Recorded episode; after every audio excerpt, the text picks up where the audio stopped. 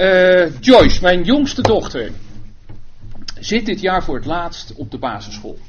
Eh, groep 8.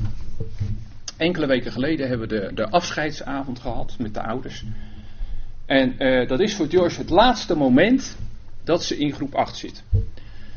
Voor haar een nieuwe uitdaging. Basisschool af. Voor haar het komende schooljaar een nieuwe uitdaging. Naar de brugglas, een nieuwe school, nieuwe kinderen ontmoeten, enzovoort.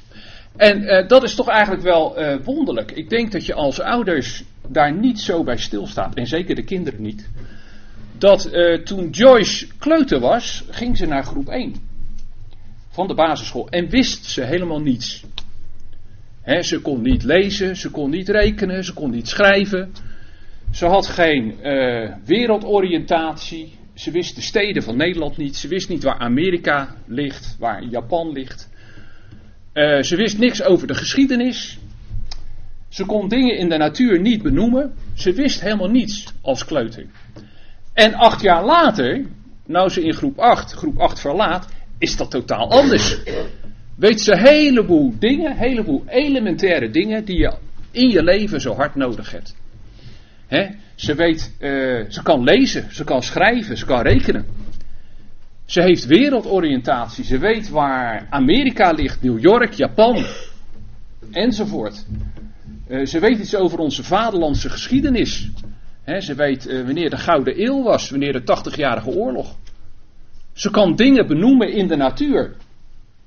Kortom, ze is dus van een kleuter die niks wist, is ze in acht jaar gegroeid naar een, ja, hoe moet ik het zeggen, een tiener, een puber, die al zoveel dingen, zoveel elementaire dingen weet, die je in je leven zo hard nodig hebt. En het is nog niet klaar, want ze gaat nu naar de brugklas. En dan gaat ze natuurlijk naar klas 1, klas 2 enzovoort, totdat ze examen doet. En ja, wellicht gaat ze daarna nog studeren. Nou, die kennis en dat inzicht wat ze nu heeft, is natuurlijk niet op één moment, op één dag of in één jaar bijgebracht bij haar. Nee, nee, nee, dat is een proces geweest. Een proces van stapje voor stapje, beetje bij beetje, jaar in, jaar uit, groep 1, groep 2, groep 3. In acht jaar tijd is die kennis, die kennis en die inzicht bij Joyce bijgebracht. Nou, waarom vertel ik u dit nou? Waarom dit voorbeeld? Nou, God de Vader gaat met ons precies op dezelfde manier te werk de inzicht en de kennis die wij mogen krijgen. Dat, dat is natuurlijk stap 1. Hè? Dat God geeft ons inzicht en kennis. Dat gaat van Hem uit. Wij kunnen wel eigen inzicht en eigen kennis hebben, maar dat stelt niks voor. God moet de mogelijkheid geven om in een gemeente of in een persoon kennis en inzicht te geven. He, want Hij is de bron van alle wijsheid. Nou, als God ons kennis en inzicht geeft is dat ook niet op één moment alle kennis en inzicht in één Bijbelstudie of in één jaar. Nee, natuurlijk niet. Bij ons is dat ook een groei, een geestelijke groei van kennis en inzicht in zijn woord. van het luisteren naar Bijbelstudies, het luisteren naar predikaties. Misschien zelf het woord van God onderzoeken. Dat is ook een heel proces bij ons in onze gemeente. Bij de apostel Paulus was dat niet anders. Toen de apostel Paulus werd geroepen op de weg naar Damascus, toen God zijn zoon in hem openbaarde, kreeg hij van God ook niet op één moment alle kennis en alle inzicht die er is in Gods plan van tijdwerken. Dat is bij de apostel Paulus ook een proces geweest. He, want we kunnen lezen, toen hij werd geroepen op de weg naar Damascus, ging hij daarna de woestijn in om door de Here onderricht te worden. En daarna gaat hij zijn zendingsreizen doen. En daar kunnen we ook lezen dat hij van tijd tot tijd openbaringen van de Heer krijgt. Pas als hij in Rome is, als hij daar gevangen zit. Openbaart God hem het laatste wat hij weten moet. En schrijft hij daar de, de gevangenschap, de volkomenheidsbrieven. En legt hij daar het laatste neer. Hè? Hij completeert, hij maakt het woord van God compleet. In Rome doet hij dat. Nou, je zou dus kunnen zeggen bij Joyce, bij ons en bij de apostel Paulus is er dus een voortschrijdend proces van inzicht en kennis in Gods woord. Een voortschrijdend proces. Weet u, als je Gods woord gaat lezen, als je het Nieuwe Testament gaat lezen, dan zit daar ook in dat voortschrijdend proces van inzicht en kennis in het plan van God van tijdperken. Daarover wil ik in het kort met u gaan nadenken vanochtend. En gek genoeg wil ik beginnen met het voorbeeld van Nicodemus vanochtend. Maar laten we eerst bidden met elkaar. Zullen we dat doen?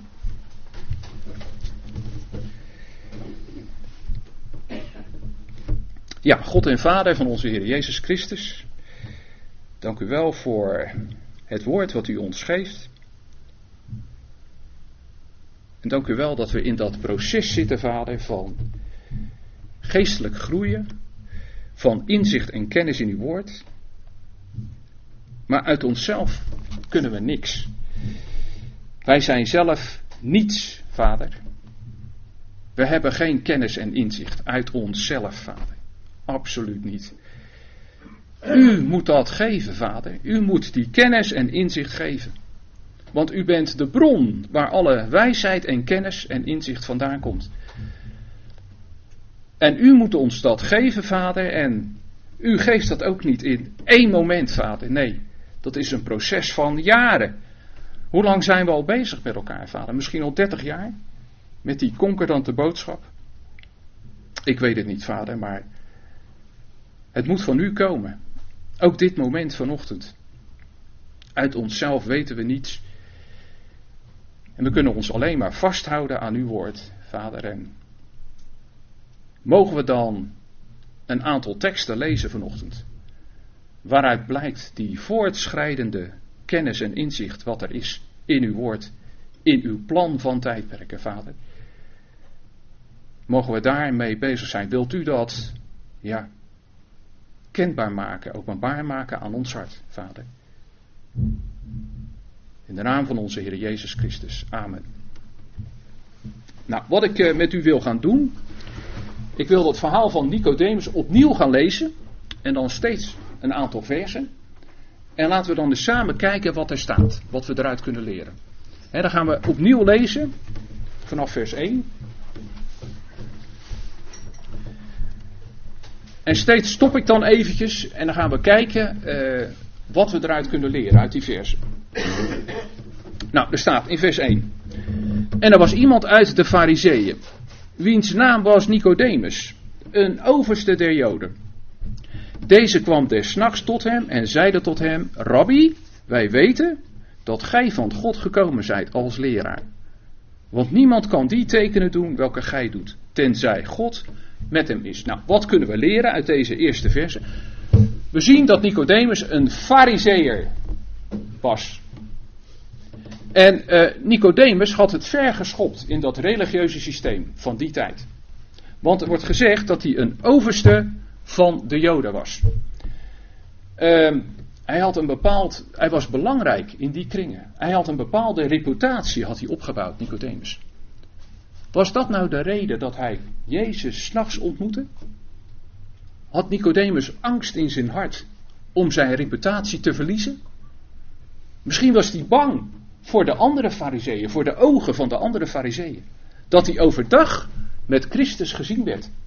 En hij besluit om s'nachts naar de Heer te gaan, om hem s'nachts te ontmoeten. Had hij angst in zijn hart om zijn reputatie te verliezen? Maar hij was wel, was hij onder de indruk gekomen van de werken, van de tekenen die Jezus deed. Maar hij verstond de woorden van Jezus, verstond hij niet, Nicodemus. Hij verstond het niet. En kwam des nachts, kwam hij bij hem. En het, het, het, ja, het fouten van Nicodemus, het, het fouten, dat zeg ik misschien verkeerd, maar datgene wat, wat Jezus zei, nam Nicodemus letterlijk. Terwijl Jezus het geestelijk bedoelde. En laten we dat eens even lezen, hè, wat nou Je Jezus geestelijk bedoelt en Nicodemus letterlijk opvalt. Vers 3. Jezus antwoordde en zeide tot hem, voorwaar, voorwaar, ik zeg u, tenzij iemand wederom geboren wordt, kan hij het koninkrijk Gods niet zien. Nicodemus zei dat tot hem: Hoe kan een mens geboren worden als hij oud is? Kan hij dan voor de tweede maal in de moederschoot ingaan en geboren worden? Jezus antwoordde: Voorwaar, voorwaar, ik zeg u, tenzij iemand geboren wordt uit water en geest, kan hij het koninkrijk Gods niet binnengaan. Wat uit het vlees geboren is, is vlees. En wat uit de geest geboren is, is geest. Verwondert u niet dat ik u gezegd heb, gij lieden, moet wederom geboren worden. Nou, wat Jezus hier zegt, is dat de Jood, dat de Joden als volk opnieuw geboren moesten worden. En Nicodemus had dat als fariseeër had dat moeten weten. Want als fariseeër was je doorkneed in de schriften. Kende je het Oude Testament. En Nicodemus had als fariseeër moeten weten vanuit het Oude Testament. Vanuit Ezekiel 36 vers 26. Dat er een tijd zou komen. Dat God een nieuw hart en een nieuwe geest zou geven aan het volk. Hij zou namelijk het stenen hart van het volk, zou die vlees maken. En hij zou een nieuwe geest geven. En die tijd die was aangebroken. Jezus was gekomen, de Zoon van God. En Jezus was gekomen hier op aarde. En Jezus, dat was de tijd dat die nieuwe geest zou komen. Voor iedere, voor iedere Jood die hem zou geloven.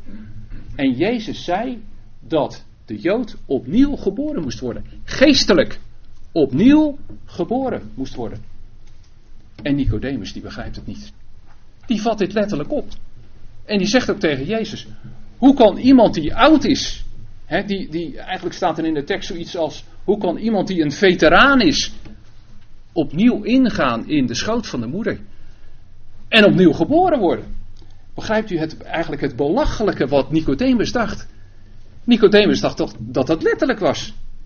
En Jezus bedoelt het geestelijk. Iedere Jood moest geestelijk opnieuw geboren worden. Die tijd van die nieuwe geest brak aan. En dat was de enige manier om dat koninkrijk van God binnen te gaan. In die tijd. En Nicodemus die begrijpt het niet. Laten we, even laten we even verder lezen. De wind blaast, vers 8, waarin hij wil. En gij hoort zijn geluid, maar gij weet niet van waar hij komt of waar hij heen gaat. Zo is een ieder die uit de geest geboren is. Nicodemus antwoordde en zeide tot hen: Hoe kan dit geschieden? Hij begrijpt er niks van. Jezus antwoordde en zeide tot hem: Gij zijt de leraar van Israël. En deze dingen versta je niet? Voorwaar, voorwaar, ik zeg u: Wij spreken van wat wij weten. En wij getuigen van wat wij gezien hebben. En gij neemt ons getuigenis niet aan. Indien ik uw lieden van het aardse gesproken heb, zonder dat gij gelooft. Hoe zult gij geloven wanneer ik u van het hemelse spreek? Het geestelijk opnieuw geboren worden was de enige manier om dat koninkrijk van God binnen te gaan. Maar Nicodemus, die begrijpt het niet. Die verstaat alleen maar de letterlijke dingen. En hoe komt dat? Nou, Nicodemus was een Jood, een Fariseeën.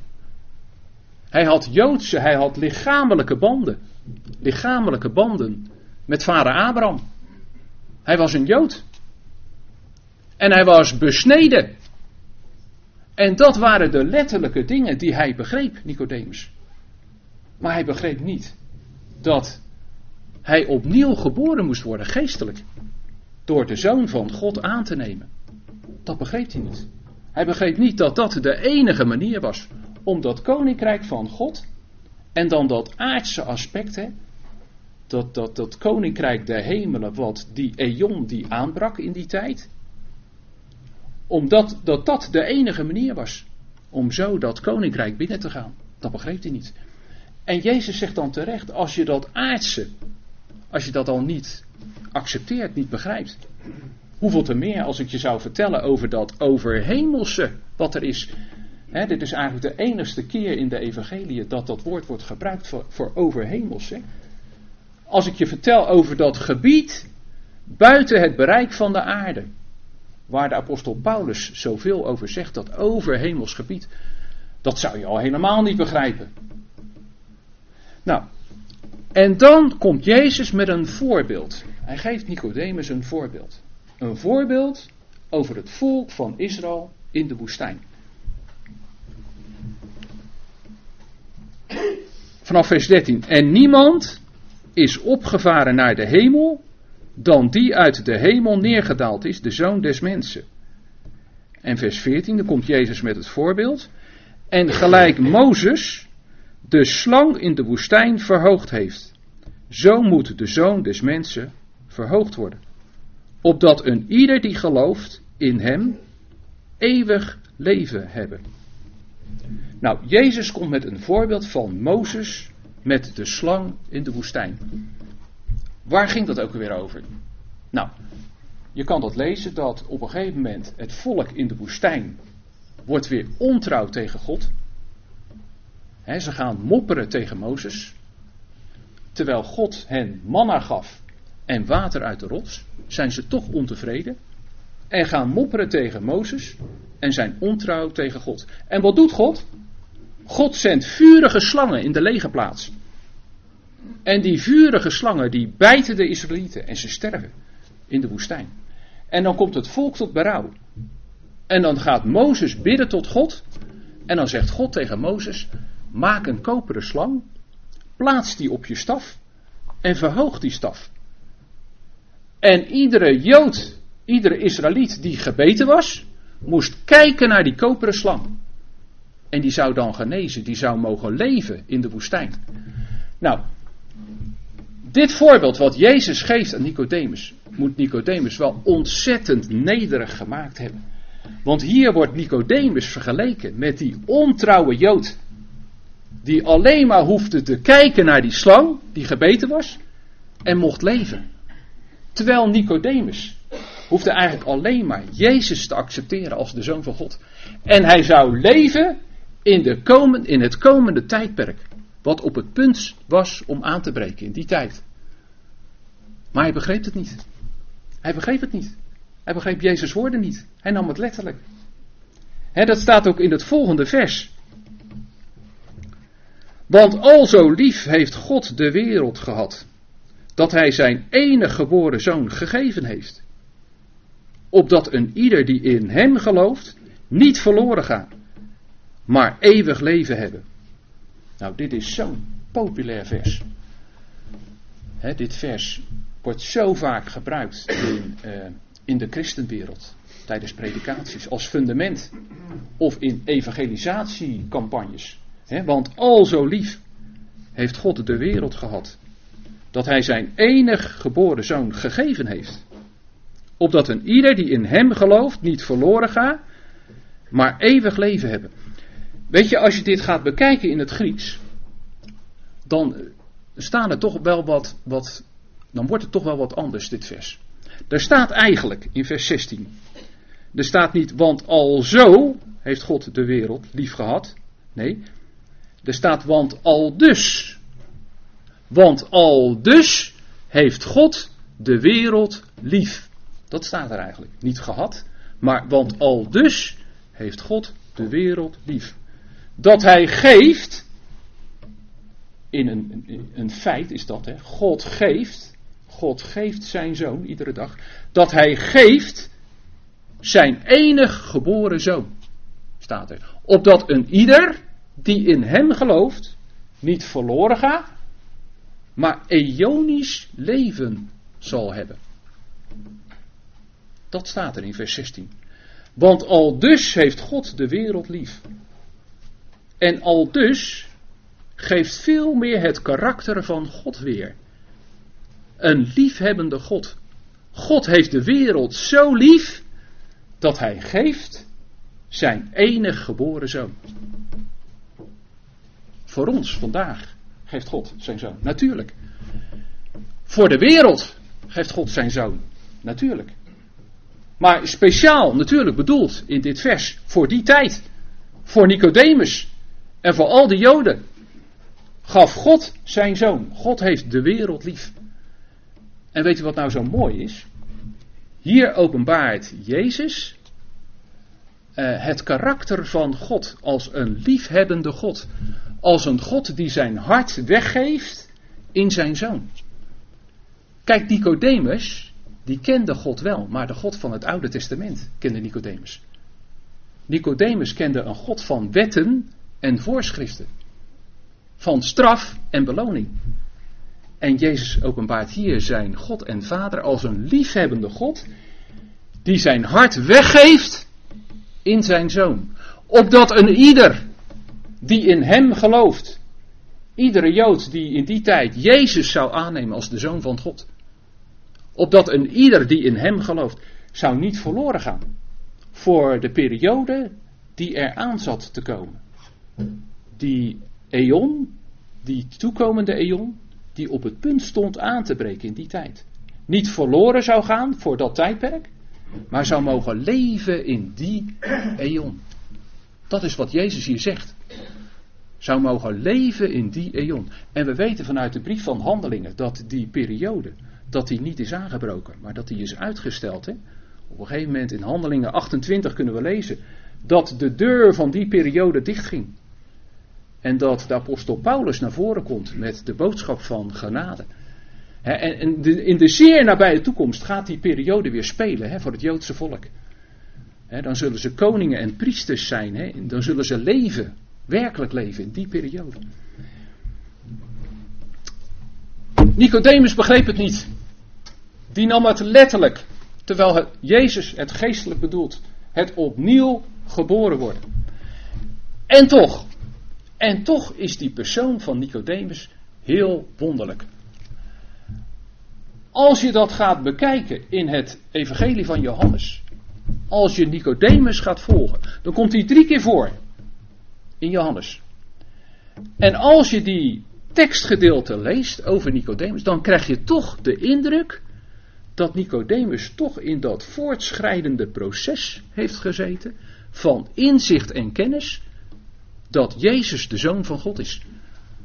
Dan krijg je de indruk dat Nicodemus toch heeft begrepen wie die voor zich had. De Zoon van God. En laten we eens even de laatste keer lezen dat Nicodemus voorkomt in Johannes 19. Laten we eens kijken wat voor veranderingen je daarin kan lezen over de persoon Nicodemus. Johannes 19.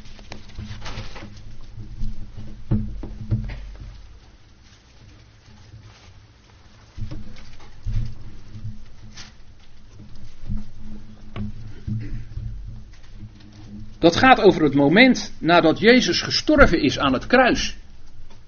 Johannes 19, vanaf vers 38. Dan is Jezus gestorven aan het kruis. En er staat er, en daarna, vers 38, sorry. Johannes 19, vers 38. Er staat, en daarna vroeg Jozef van Arimathea, een discipel van Jezus, maar in het verborgen, uit vrees voor de Joden, aan Pilatus het lichaam van Jezus te mogen wegnemen. en dit is nog klaarlichte dag he, dat dit gebeurt. En Pilatus stond er toe. Hij kwam dan en nam zijn lichaam weg.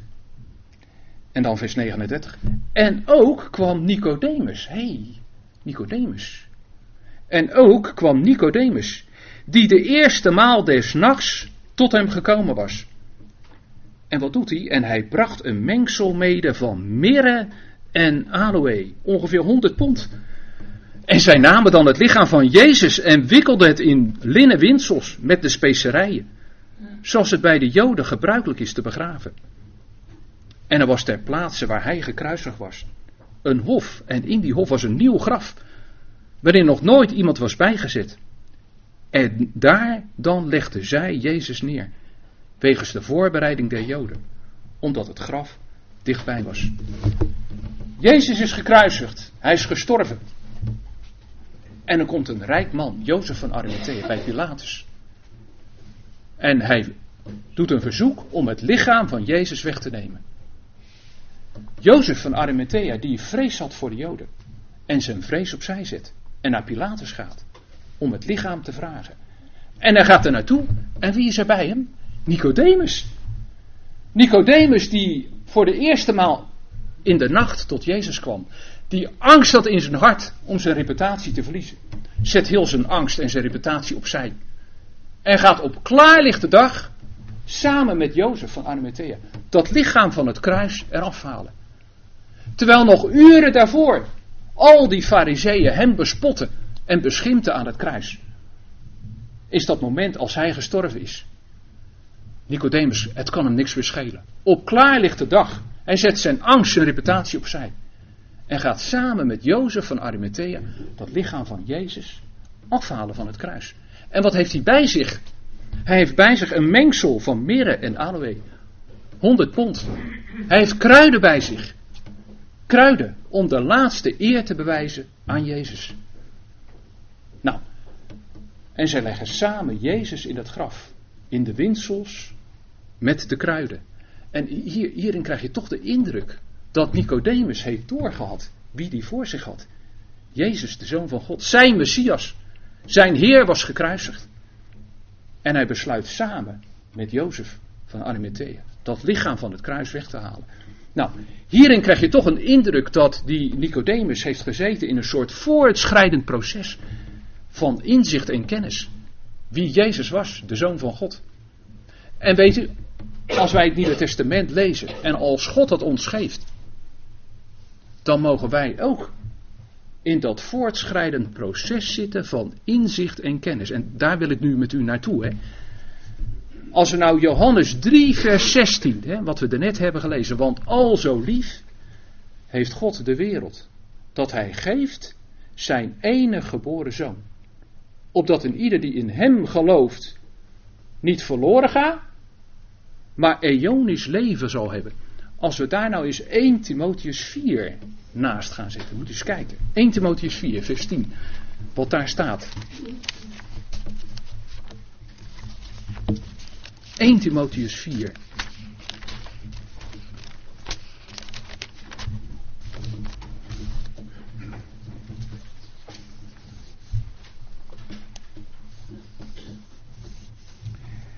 En dan lees ik u vanaf vers 9.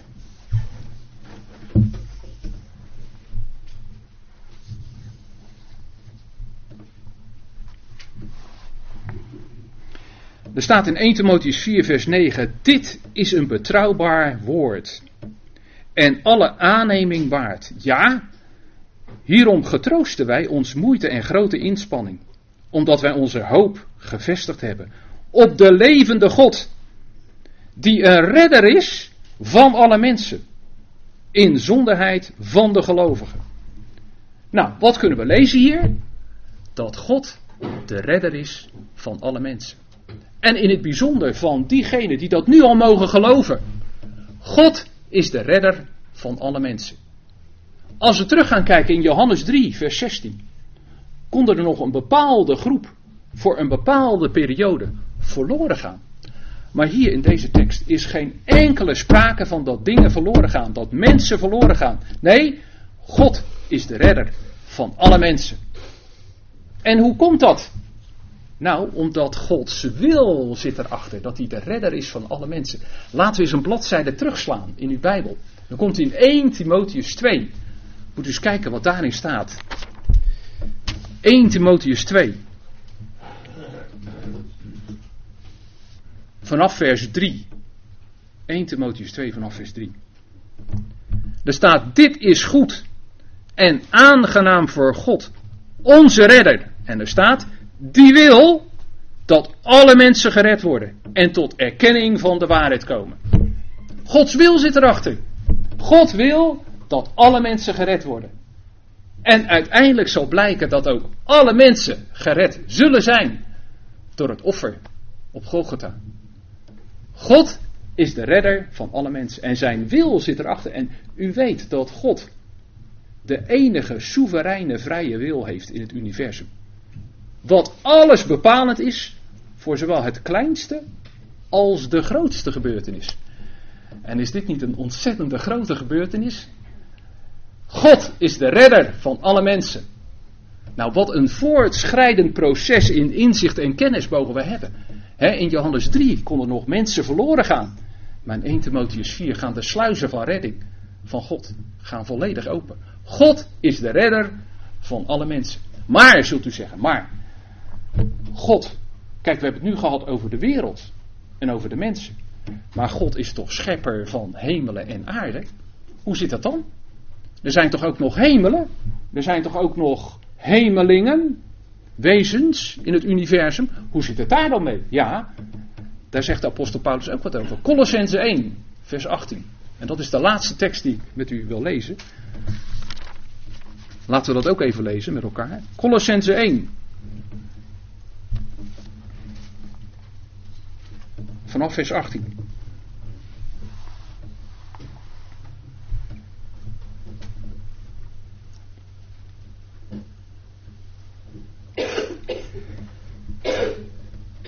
Gaat het over de zoon van Gods liefde. De zoon van Gods liefde. De zoon van God. Daar staat, en hij, Christus, is het hoofd van het lichaam, de gemeente. En wij mogen die gemeente vormen, het uitgeroepen lichaam. Fantastisch, hè? Niet alleen wij, hè? Al die mensen die God uitroept, door de tijd heen en over de wereld heen, mogen dat lichaam, dat grote lichaam van Christus vormen. En hij, de zoon, is het hoofd van het lichaam, de gemeente. Hij is het begin. De eerstgeborene uit de doden. Zodat hij onder alles de eerste geworden is. Want het heeft de ganse volheid behaagd in hem woning te maken. En nou komt het, vers 20. En door hem, door de zoon, vrede gemaakt hebben. Door het bloed van zijn kruis. Alle dingen, tapanta, het al, elk schepsel, weder met zich te verzoenen. Door hem. Het zij wat op de aarde, het zij wat in de hemelen is. Nou, wat kunnen we hier lezen? Wat kunnen we hier lezen? Dat door het bloed van het kruis van de zoon heeft God vrede gemaakt met elk schepsel. Met elk mens hier op aarde, maar met ook elk schepsel in dat grote universum. En op grond van die vrede zal uiteindelijk elk schepsel wederzijds verzoend zijn met God. Als God alles in allen is. In Johannes 3, vers 16 kon er nog een bepaalde groep voor een bepaalde periode verloren gaan. 1 Timotheus 4, vers 10 gaan de sluizen van redding voor de mensheid volledig open. God is de redder van alle mensen. En in Colossense 1, vers 18 tot 20 blijkt dat God uiteindelijk de redder is van elk schepsel. Als Hij alles in allen is, zal elk schepsel wederzijds verzoend zijn met God. Elk schepsel in de hemel, op aarde en onder de aarde, Filippenzen 2, zal zijn knieën buigen en zal met zijn stem zeggen: Jezus Christus is Heer. Tot eer van God de Vader. Wat een voortschrijdende kennis mogen we weten. Van God. God moet het inzicht geven en de kennis. Uit onszelf zijn we niets. Maar als we Gods woord lezen, wat een voortschrijdende kennis in Gods plan van tijdperken mogen we weten. Fantastisch, dank u wel, vader, dat u ons dat geeft. Dat we dat mogen lezen. Nicodemus wist daar niks van. Nicodemus was gefocust op een bepaalde periode. En wij, 2000 jaar later, mogen alle brieven van de apostel Paulus lezen. En mogen daarin ontdekken dat er een voortschrijdend proces is van kennis en inzicht in Gods plan van tijdperken. Dat Hij uiteindelijk alles in allen zal zijn. En hoe lang gaat dat nog door? Dat voortschrijdend proces van inzicht en kennis? Nou, dat, dat zal zijn totdat we de zoon gaan ontmoeten in de lucht. Want dan gaan we de zoon zien van aangezicht tot aangezicht. Oh, dat zal een fantastisch moment zijn. En dan zullen we God volledig kennen als vader. en dat is ook het uiteindelijke doel van Gods plannen van tijdperken. Dat elk schepsel God leert kennen als vader. Dat hij een vader kan zijn over elk schepsel. Nou, daar zien we naar uit hè, met z'n allen. Tot zover vanochtend.